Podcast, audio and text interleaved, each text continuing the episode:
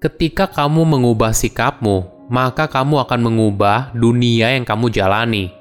Halo semuanya, nama saya Michael. Selamat datang di channel saya, Sikutu Buku. Kali ini saya akan bahas buku Attitude is Everything karya Jeff Keller. Sebelum kita mulai, buat kalian yang mau support channel ini agar terus berkarya, caranya gampang banget.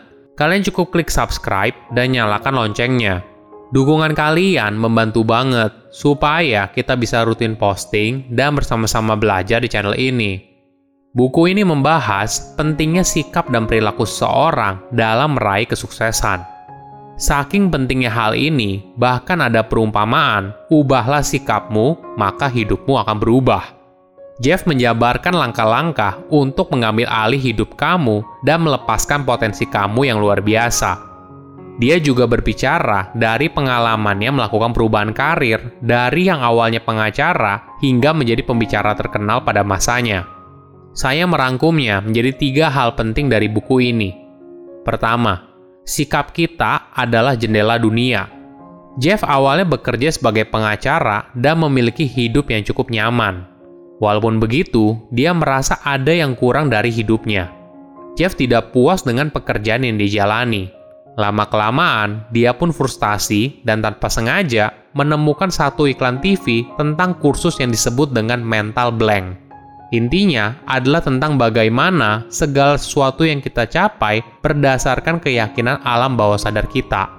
Dari kursus tersebut, Jeff mulai membaca topik ini dengan lebih dalam. Hidupnya pun perlahan berubah. Semua ini dimulai saat dia mengubah sikap negatifnya menjadi sikap positif. Empat tahun kemudian, Jeff memutuskan untuk keluar dari pekerjaannya sebagai pengacara dan menjadi pembicara yang membantu orang lain untuk mengubah hidup mereka. Mungkin banyak orang sulit percaya, namun perlu disadari kalau kesuksesan itu adalah keadaan pikiran. Jika kamu ingin sukses, maka kamu harus berpikir dirimu merupakan orang yang sukses. Semua ini berujung pada sikap dan perilaku seseorang dalam menjalani hidup sikap kita merupakan filter mental yang kita gunakan untuk melihat dunia. Sama halnya seperti kita memakai kacamata berwarna merah, maka semuanya akan tampak berwarna merah. Begitu juga dengan sikap kita. Beberapa orang memiliki filter mental optimis, sedangkan yang lain memiliki filter pesimis.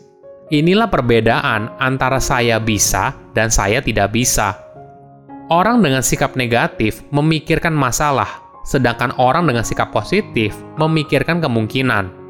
Coba kamu ingat, ketika kamu kecil dan mulai belajar berjalan, pasti kamu gagal berkali-kali.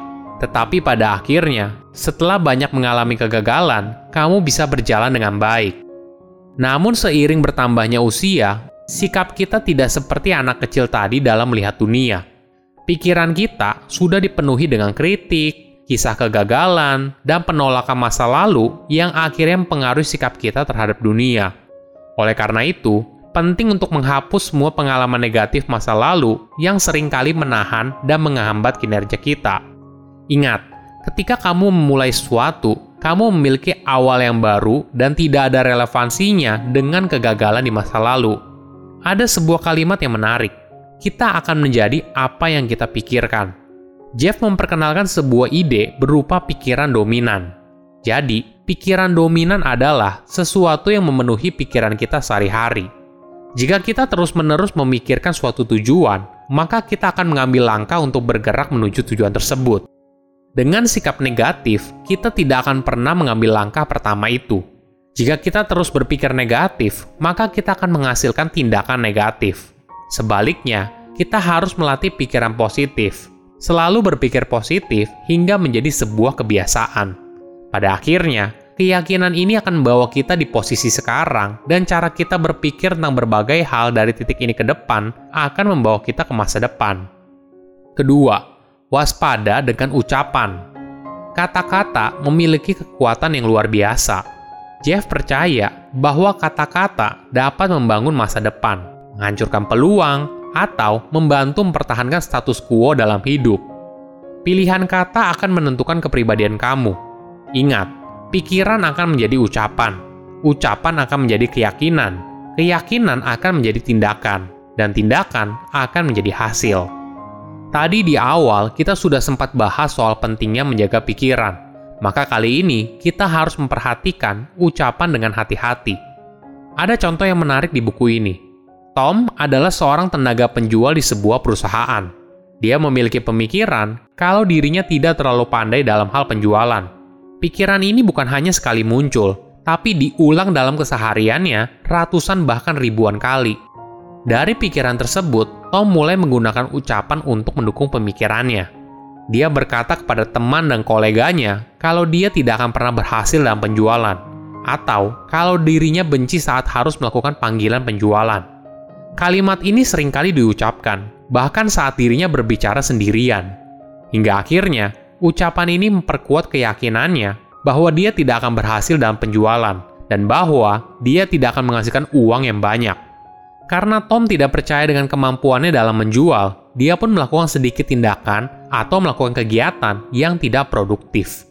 Hal ini lalu berujung pada performa kerjanya yang sangat buruk. Inilah contoh dari kekuatan ucapan. Apa yang kamu ucapkan tentang dirimu akan mulai menjadi kenyataan apabila kamu tidak hati-hati.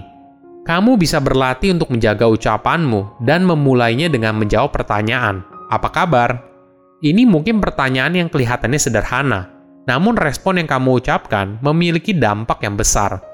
Jeff membaginya menjadi tiga kategori, yaitu positif, mediocre, dan negatif. Kita harus selalu menghindari jawaban negatif, karena hal itu menguras energi kita dan orang-orang di sekitar kita. Kata-kata kita akan pengaruhi fisiologi kita. Misalnya seperti ini. Jika jawaban kita atas pertanyaan apa kabar adalah dalam kondisi buruk, maka sering kali postur dan emosi kita akan mencerminkan respon tersebut. Kategori kedua adalah jawaban mediocre.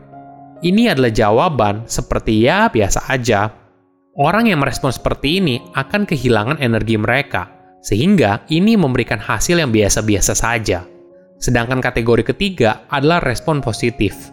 Ini adalah respon yang dianjurkan oleh Jeff ketika kita menjawab pertanyaan apa kabar dengan jawaban seperti hebat, super sekali, luar biasa, dan sebagainya.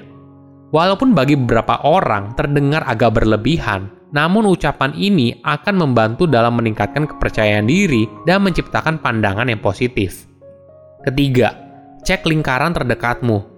Ada sebuah ungkapan yang menarik. Kamu akan menjadi bagian dari lingkungan sekitarmu. Pada akhirnya, diri kamu akan menjadi rata-rata dari semua orang yang menghabiskan waktu dengan kamu. Orang yang menghabiskan sebagian besar waktu bersama kita akan menentukan cara pandang dan masa depan kita, karena mereka sangat mengaruhi pikiran kita, dan selanjutnya adalah tindakan kita. Jeff membagi ada dua jenis kategori orang, yaitu orang yang beracun dan orang yang bergizi. Orang yang beracun selalu memikirkan hal-hal negatif.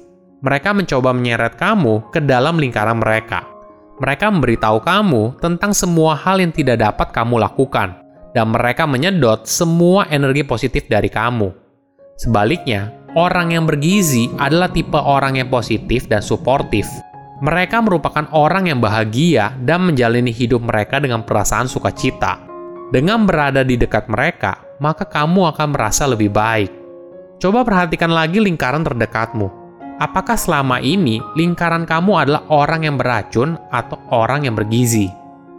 Pikiran akan menjadi ucapan, Ucapan akan menjadi keyakinan, keyakinan akan menjadi tindakan, dan tindakan akan menjadi hasil.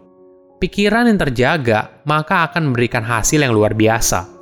Silahkan komen di kolom komentar pelajaran apa yang kalian dapat ketika baca buku ini.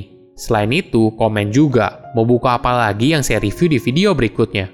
Saya undur diri, jangan lupa subscribe channel YouTube Sikutu Buku. Bye bye.